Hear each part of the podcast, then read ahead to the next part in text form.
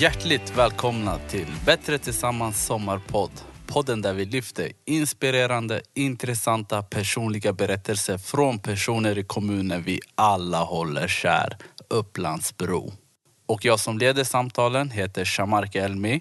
Många kanske känner mig som Shacke och jag har bjudit in gäster som alla har en spännande berättelse. Nu är sommaren här. Eller för att citera Evert Taube, är det våren som är slut. Kom ihåg att det är din inställning till livet som formar dina möjligheter och dina upplevelser. För vår första sommargäst Farouk har glaset trots motgångar alltid varit halvfullt och det har lett honom dit han är idag. Farouk driver idag Brogrillen som är en restaurang mitt i Bro centrum men hans samhällsengagemang sträcker sig långt utanför restaurangens dörrar. I dagens avsnitt berättar Farouk om hur det var att växa upp i Turkiet och att etablera sig i Sverige. Vi får även höra om hur han lyckas få lilla samhället Bro att uppmärksammas i stormedia. Och såklart bjuder han även på ett par roliga historier. Så häng med!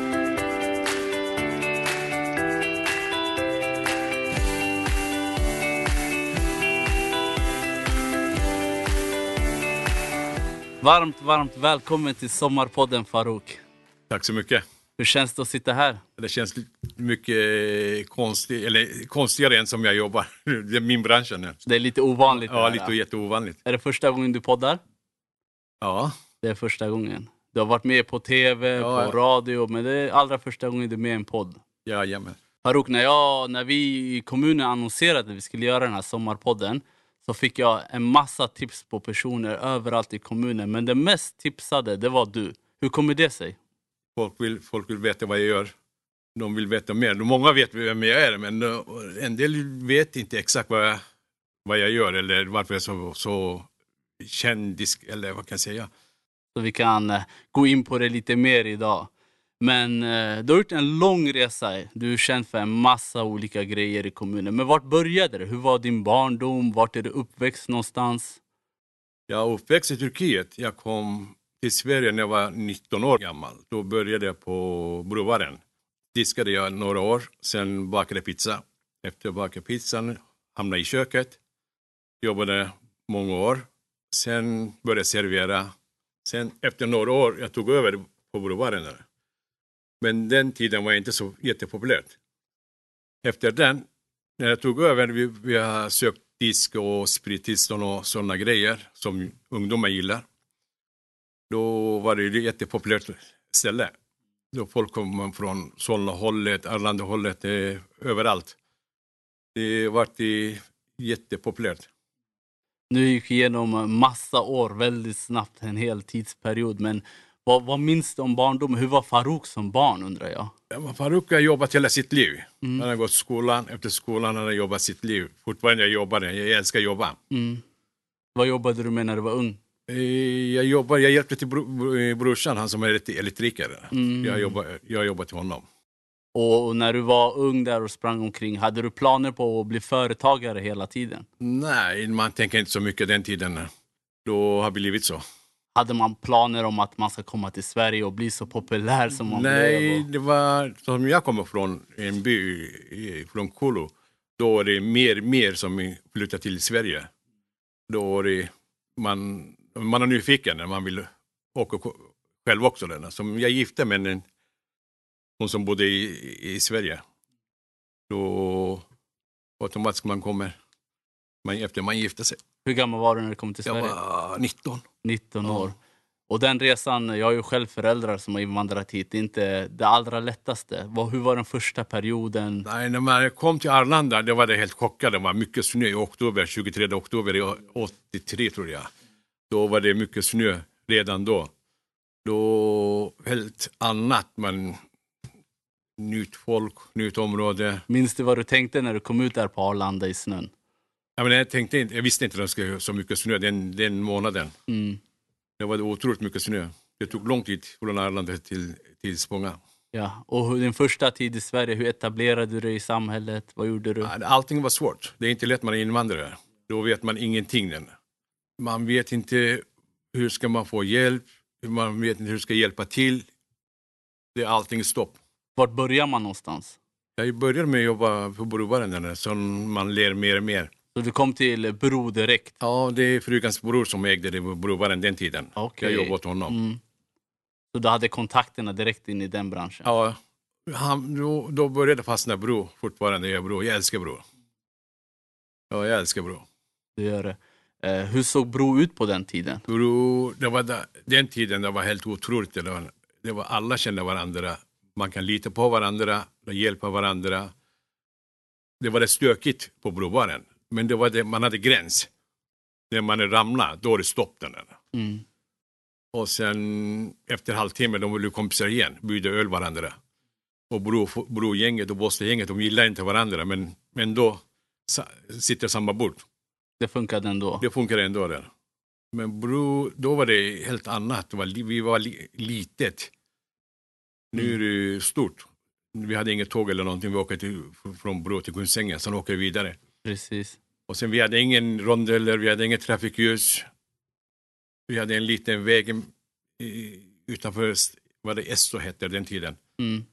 Vi hade en eh, 19-årig Farouk i alla fall. Ja, vi hade en 19 år Faruk. Precis. Och på den vägen du lärde känna en massa människor i sig, du började bli etablerad i samhället, du fick kompisar. Hur var det? Från början var det svårt. Sen man känner mer, mer, mer folk. Sen när det har blivit flyttat till restaurangbranschen, jag hade bra kontakt med föräldrarna. När jag började gri- grillen, då började jag med ungdomarna. Då var det hela familjen. Jag har sett fyra generationer, om jag inte sett fem. Fyra vet jag, kan bli fem också. Fyra, fem generationer Ja. av brofolk. Mm. Det är mycket det. Det är mycket. Och när började du eh, jobba på grillbaren som du är känd för idag? Grillbaren, när vi hade sålt i Brovaren år 2000, då skulle vi jobba ett år till i grillen, starta och sen sälja och sen ska lämna till Bro. Det var min planering. Men det gick inte. Eller ville inte heller. Men då man blir trivs och nöjd och bra kunder och bra folk, då är jag kvar. Man kan inte tänka sig att Farouk har velat lämna Bro en gång i Nej, det är svårt den både min del och kunderna. Många vill träffa mig. Mm. Så du blev kvar ändå till slut? Ja, Och på den vägen har du fortsatt jobba. Idag har du flyttat till Bro centrum. Du är omåttligt populär i kommunen. Du har vunnit de allra flesta priserna man kan vinna. Men eh, det, det är inte bara att du flippar hamburgare och serverar utan du gör en massa mer. Hur, vad gör du för något? Jag gör, jag gör, jag gör hamburgare med tunnbrödsrullar. Men eh, jag gör inte bara dem. Jag har bra kontakt med kunderna. Och bra kontakt med ungdomarna. Och bra kontakt med föräldrarna. Och den gör mycket. Den gör mycket. Kan du berätta mig hur går det till? Jag lyssnar mycket folk. Den där. Att jag försöker, kan hjälpa till den. Och eh, ibland jag lyckas, ibland lyckas inte. Vad, har, vad är dina starkaste och gladaste minnen? De, de litar på mig. Vad har du för... Om du tänker tillbaka på den tiden eh, du kom till Sverige, du etablerade dig. Vad minns du som starkast? Vad gör du som gladast? Att man är ärlig och seriös och lyssnar folk. Om man frågar folk utanför kommunen, exempelvis i Malmö, i Norrland, Mm. om Bro, då känner de till en grej. Vad är den grejen? Det är Faruken och tunnbrödsrulle. Hur kommer det sig? Jag vet inte, jag hade tur på tunnbrödsrulle. Jag träffade med Erik Videgård. Den gubben har gjort mycket för mig. Och det var han som hittade mig. Mm. Jag fick en meddelande att han ville, han ville träffa mig med det står Erik Videgård. Men jag har sett honom många gånger på tv, men jag visste inte vad sanningen att jag, han, vad han hette. Det. Så googlade jag. Det kom Erik Videgård och hans eh, foto. Jag tror det var någon som skojade med mig. Mm. Mitt svar det är inte första april idag. Ah, du svarade honom, det är inte första Ja, april. men jag, visste, jag, jag tror någon som skojar med mig. Men vem, jag kan inte tro att han skulle skicka meddelande till mig att han vill träffa med mig. Vad stod det i meddelandet? Ja, han ville, han ville träffa med mig. Att han har sett på i Tumlåsrulle vännersidan, vi har en Facebookgrupp, stort, 23 000 som följer det. Mm. Och han har sett mig många gånger där. Då vill han träffa med mig. Och hur var det att träffa honom? Och jag svarade det inte första april idag. Jag fick svar tillbaka sen. Jag vet det är inte första april, men vill jag träffa dig? Skriv en tid och datum där. Okej, men f- fortfarande jag trodde inte på någon som driver mig. Jag skrev det, jag jobbar åtta dagar i veckan, 7 till 24. Du är välkommen när du vill. Okej, vi kommer imorgon, skrev han eller hon, jag vet inte fortfarande vad Videgård. Den dagen efter han kom till utanför grillen, då jag var pinsamt. Då kom han, då Ja, stod då han kom där. han där. Då, efter den, vi är bra goda vänner. Han brukar vara bro, Mm. då han är här hos mig. Han har en rulle på din meny. Jo, först, vi, först han hade ett, en rulle och den rullen var det Sveriges mest sålda rulle. Fortfarande, jag säljer nummer ett, han är hans rulle. Hur mycket rullar pratar vi om att du... Ja, Det är man är tusentals rullar. Oj. Ja. Ja, det är många rullar. Bra många rullar. När det var populärt den första rullen, som jag frågade honom, kan man skriva en till? Eller? Mm. Då döpte han en, Videgårds 2.0. Mm. Det är lite asiatisk smak, det är lite starkare, Ah. helt annorlunda smak den är. Den också var jättepopulärt den. Vad säger kunderna? Ja, det kunderna säger så, det ser man att man, man har vunnit tre gånger i SM-guld kan man säga. Jag kom sista tre år i hela Sverige, nummer ett. Mm. Det måste vara, kunderna, kunderna var nöjda att många var röstat till mig. Och ordet sprider sig. Kunder kommer från hela Sverige. Vem har kommit längst bort ifrån? Från Malmö och Norrbotten. Jag hade två grabbar, det är stor historia men jag kan säga lite. Det var två grabbar som åkte från Malmö till Bro. De hade satsat 5 000, de skulle under fem, fem timmar, de skulle vinna 5 000.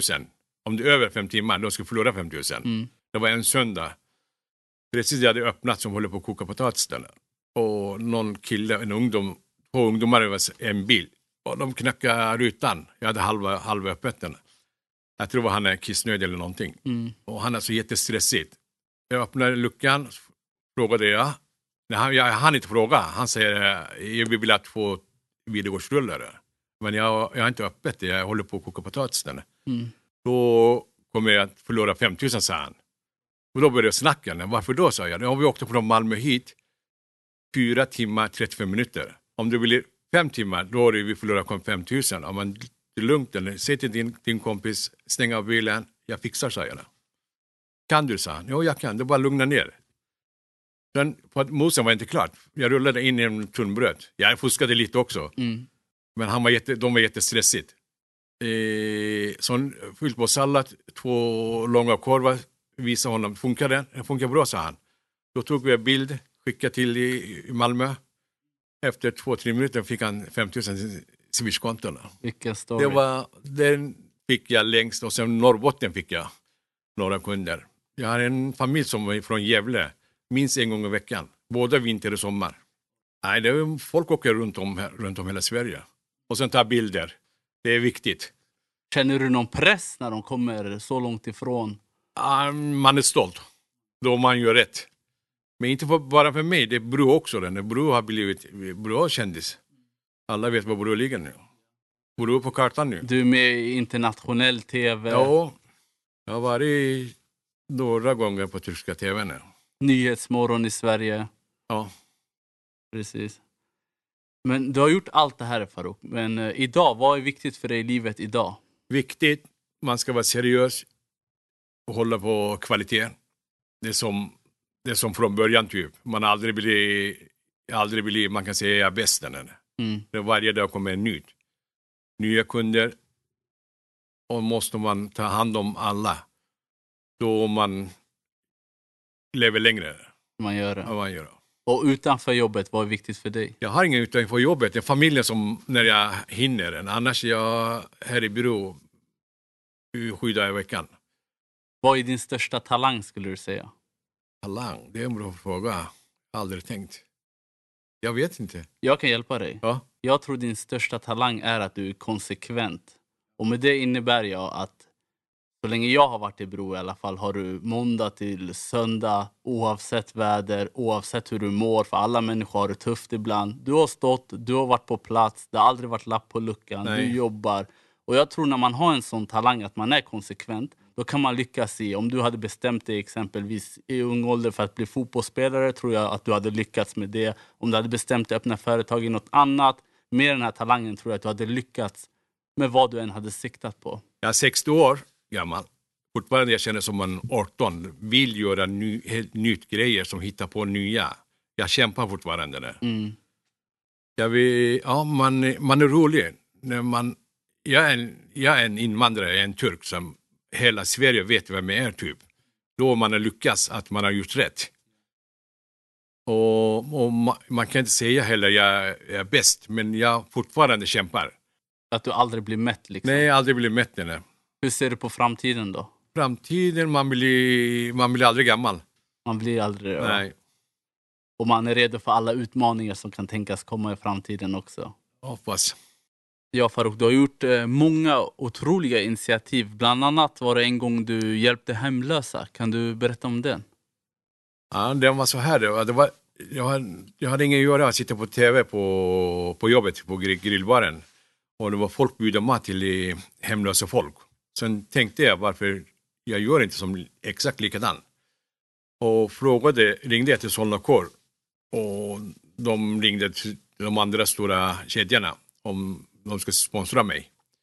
Alla tyckte det var det okej. Så jag ringde till, frågade mitt i tidningen, Ubro.